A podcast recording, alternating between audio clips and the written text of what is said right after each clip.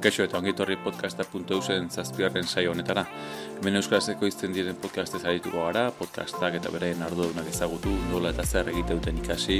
zergatik hasi diren, zein grabeta sistema eta belia bidera biltzen dituzten, baina baita podcasten mundua zorokorrean izan ere euskarazko podcastak urtan bat, baino gehiago dira podcasten ozeano zabalean. Ni ego izilitasuna duzu eta duzuen podcasten txokoa duzu euskaraz pintzo diren podcasten txokoa. Prest, ba, ego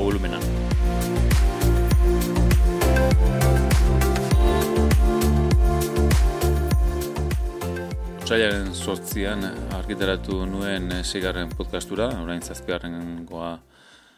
grabatzerari naizen hau duzuena, eta zoritxarrez ba kontua kontu, ez nintzen gai izan martxoan asera horretan, ez, daokion, edo podcastura grabatzeko, eta ondoren COVID-19 famatuaren ondorioz, ba bestelako beharrak eta eta zergatik ez esan, ez, familia kontuak tarteko, ba, ez zaitan egin, grabaketa honi ekitea eta bueno, ba, ba denbora pasada, egon kortu garela esan dezakegu, ez? Gehiagia kaso, eta banatorkizu berriro ere podcast hauekin, zazpigarren honekin egin zuten ere, eta asmoa izango litzateke berriro ere errekuperatzea, ez? Galdutako podcast horiek, hau zazpigarrena, sortzen eta beratzean naia,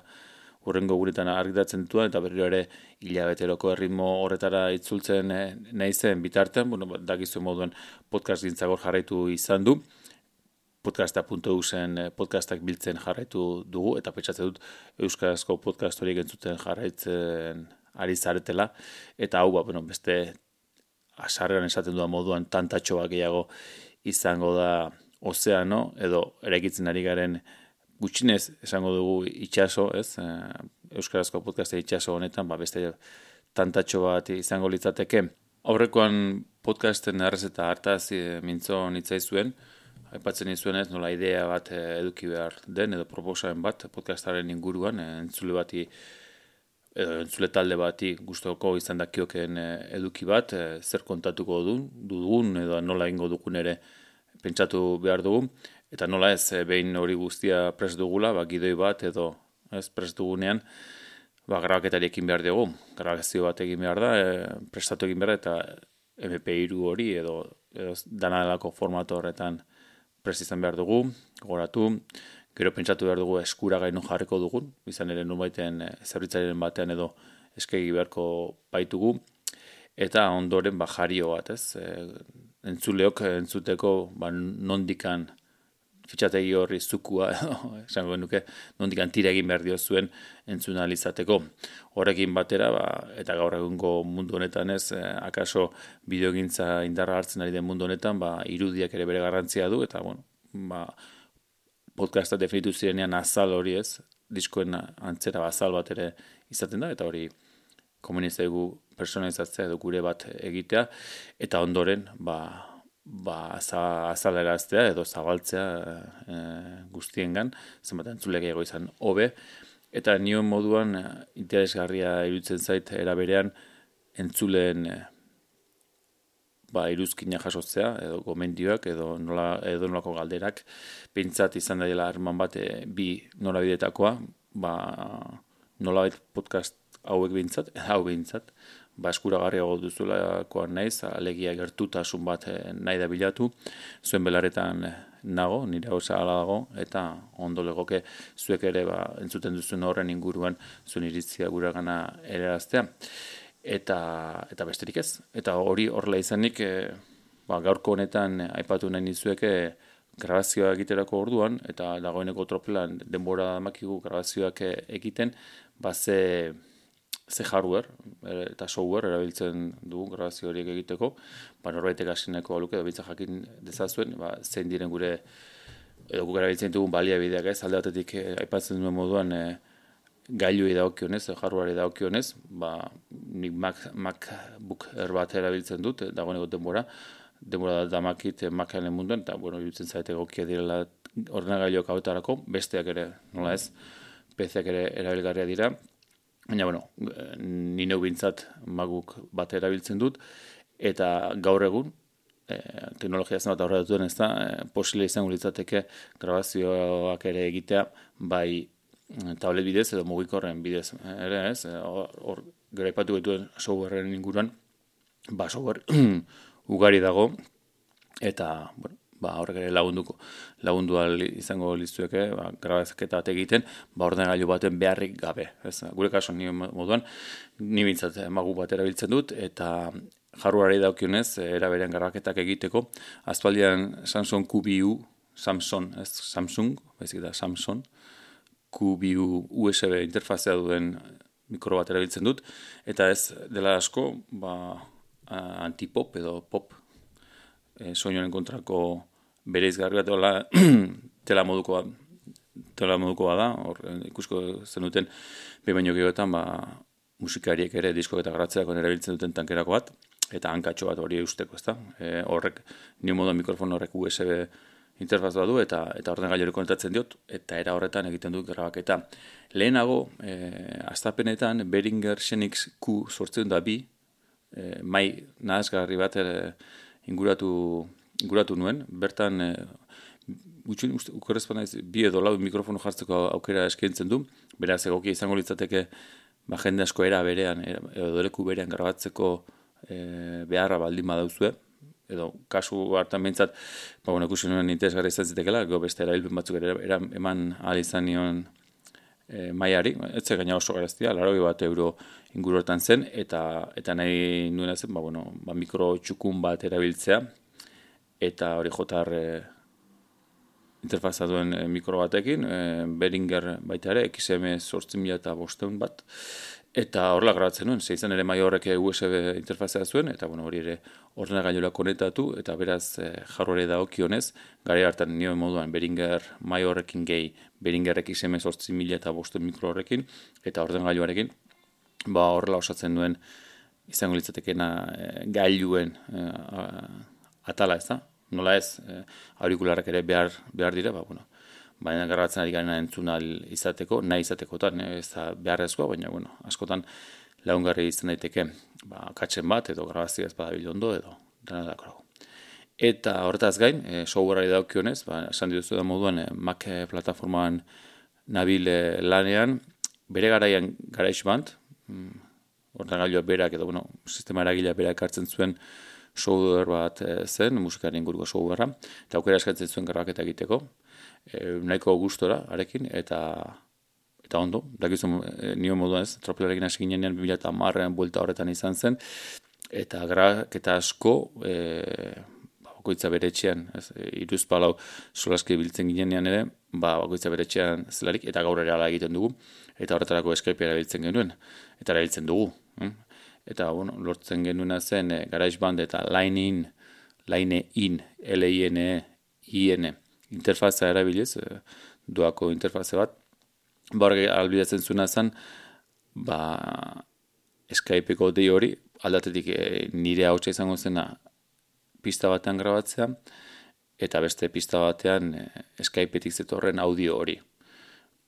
Horren e, zailtasuna edo, bueno, e, gauza txarra da, ba, bestaldetik hiru izlari baldin badira, ba ez ditugula, ez? Bakoitzaren bere audio propioak ez ditugula. Be, ja, dagoeneko nahaztu da tortzen dira, norbaitek ba, audio arazoen ma badu edo volumena arazoen ma badu, ba, ba zaila edo lan asko inberko edizio garaian hori txukuntzeko. Baina, bueno, hori, hori, hori salbu, ze hori ekiteko beste aukera izango litzateke norperak e, Skype egiten duenean ere,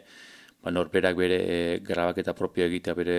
ba, bueno, ba, muikorrean edo ordenagailuan edo tabletan, erabiltzen duen erabiltzen duela ere. Eta hori bidaltzea, nasketa zuzen bat egiteko. E, nik uste gaur egun podcast famatu hori eta kalitatearen bila podcast ezagun horiek, ez, batez ere estatu batu harrak eta eta estatu mailan ba, ezagunenak diren horiek ere, esango, esango nuke horrela egiten dutela, ez? Bakoitza berea grabatu adari, e, kalitaterik altuenean eta gero bidali eta horiek guztiak e, nahaztu, ba alik eta kalitaterik honen ikusten duten bezala postproduzioko lan bat ere, ba, ba egin beharko litzateke kasu horretan. Nio moduan, GarageBand eta Skype, e, esango nuke Linein, beste interfaz software horren bitartez, e, azkenen hori izan litzateke koktela edo, ez, edo beharrezko, e, beharrezko guztia audio hori grabatzeko. Eta beranduago ezagutu nuen e, podcastaren egunean edo, ba, bi iruz pala urte, Hindenburg dalako software bat, eta, bueno, ordainketako da, ez da bat ere merkea, baina momentu horretan, ez da, bari, egun hori zela eta, ez da, bi eurotan, edo euroren batean zen, Hindenburg aipatzen zuen softwarea, zehazki Hindenburg journalist da, eh? softwarea, eta Hindenburg Systems enpresak egiten duena, goita marreguneko eh, trial bat edo probako gari badu, nahi baduzu probatu bintzat proba eta honen duen gauzarik honen, bueno, honen artean, ba bai Windows, bai makerako egokia dela, eta gero asko errazten duela, ez, e, editatzeko prozesori lehen aipatzen genuena, ez, behin pista ezberdin izan ez gero, ba guztia batera jartzeko eta doikuntza horiek, ez, volumen doikuntza horiek edo filtroak edo, eta barrak jartzeko garaian, ba asko errazten du lana, eta benetan, benetan oso software egokia. Hala ere ez dugu zertan dirua xautu, lehen lepatzen nizuen moduan, ba, garage band erabil, izan genuen, oraindik ere eskura da, garage band, eh, maka baduzu edo balde lan egiteko, eta horretaz gain, ba, Audacity esango genuke, kaso dela ezagunena softwareen eh, software daukionez, edizio software daukionez, eta grabaketa bera egiteko ere, ba, erabili, erabiliena edo erabilt er, errazenetako bat, bueno, errazenetako baino gehiago, ba, doakoa den horrekin eta duen e, atzetit duen galatzaile komunitatea handi horri esker, ba, ba erabilien artean, eta bueno, nik uste eh, nahiko erraminta potente dela. Beraz, hori dira gailuak, eta nio moduan, ez, gu azkenean, bat ez ere tropelan, podcasta grabatzea garen, zei orain bakar bakarra ez grabatzen, baina, bueno, ez dut eh, Skype behar, kasu honetan, baina tropelarako podcasta garratzen ditugunean, ba hori ez, bako norbera bere lekuan dago, Skypeko dei hori martxan jartzen dugu, eta bai erabiltzen dudana da, e, Skypeko dei hori grabatzeko, naiz eta Skype berak ere baduen aukera, ba, deia bera grabatzeko, ba, ekam dalako software bat, E-C-A-M-M, eta, bueno, hau izango genuke nola baitu lertzearen, ba, Skyperen plugin moduko zerbait da, horren txainez begira, Call Recorder for Skype, e, izen hori darama, e, bo, dolarretan berroi bat dolar, nik uste merkea gore nuela bere garaian, eta bueno, horrek duen ona, ba, bueno, e, kontrolpean duzula grabaketa hori e, Skyperen menperik gabe, Eh, eta batez ere nioena ez, bi, bi grabaketa egiteko aukera ematen duelako, nahiko txukun, e, gero esportatzeko garaian ere kalitatea ezberdin dituelako, eta bueno, mm, ezagutu nuen, interesgarria dela, eta eta ondo, ondo abila. Beste Hindenburg journalist, dizut aipatu, baina bueno, presio nahiko altua duela esan dizuet, eta nintxe begira nabil, eta bueno, laro bost euro da journalisten arrunta, eta gero Journalist Pro dago, ba, bueno, beste gauza batzuk eskaintzen dituen proba dago, dagoen pentsa ez egarestian, eh? irun da berroita mar euro. Beraz, hori ni ez nuke erosiko, eta Journalist arrunta, e, nion moduan guk askotan erabili izan dugu, demora luzez erabili izan dut, eta, bueno, behin hasi ezkero eta podcastek, podcastean aurrera egin nahi baldin moduzue, ba, pentsatzeko moduko bintzat radarren izan dezazue, eh? software hau, ba, oso oso eh, indartzu edo, bueno, eraliterraza delako eta gauza asko eskaintzen ditulako, eta ni bintzat oso gustora nabil, esango nuke azkenengo azkenengo lau pa bost urtetan gutxienez. Eh? Beraz, bueno, nik hasi behar baduzu ez nuke esango erosteko, e, baina, baina aurrera eta serio baldin mazoazte, ba, bai gomendatzen dizu dela, software hori beti ere, eta hardware aldera voltatuko nez, ba ordenagailu batean lan egitea pentsatzen baduzu, etxean, lasai, eta era horretan grabatzea pentsatzen baduzu. Ze gaur egun, nion bezala, tablet eta mugikorretan, mugikorren bidez ere grabatu daitezke, grabatu eta editatu, eta, eta prest izan audio horiek eh, publikatzeko, eh, sarean zabaltzeko, ez, behin, Eta, bueno, kasu horretan, ba, ez litzateke olako software e, potenteri beharko neko izango nuke, ba, bueno, grabatzeko software arrunten bat, eta, bueno, gehienez, ba, ez, asera musika pixka sartu edo zerra sartu nahi izatekotan, ba, ba, nahiko izango litzateke. Beraz, nioena guk normalean eh, egiten duguna da, grabaketari ekiteko, prest mikrofonak eta horren agailua, Skypeko deia hori hasi, nioen beste plugin hori ni martxan jartzen dute grabaketa egiteko, esaten ekiten diogu, bat bita hiru hasiko gara, eta sarrera eta guztiarekin grabaketa egin, gertatu izan da, ba, konexio arazoren bat, moztu egite, mozteko aukera dugu, berriro ere e, martxan jartzeko, eta nola ez, bale nahi nuen moduan, behin ja dea amaituta, behin ja audio horiek gordeta, ba, postproduziko lan badago, eta kasu horretan, ba, beharrezko aldaketak edo egokitzapenak ingo genituzke, bai tarteak edo bai audio ezberdinek eh, lotzeko eta bai musika sartzeko edo bestelako ezer egiteko, ba, bueno, eh aipatuko sobor horien bidez nioena baldin eta podcast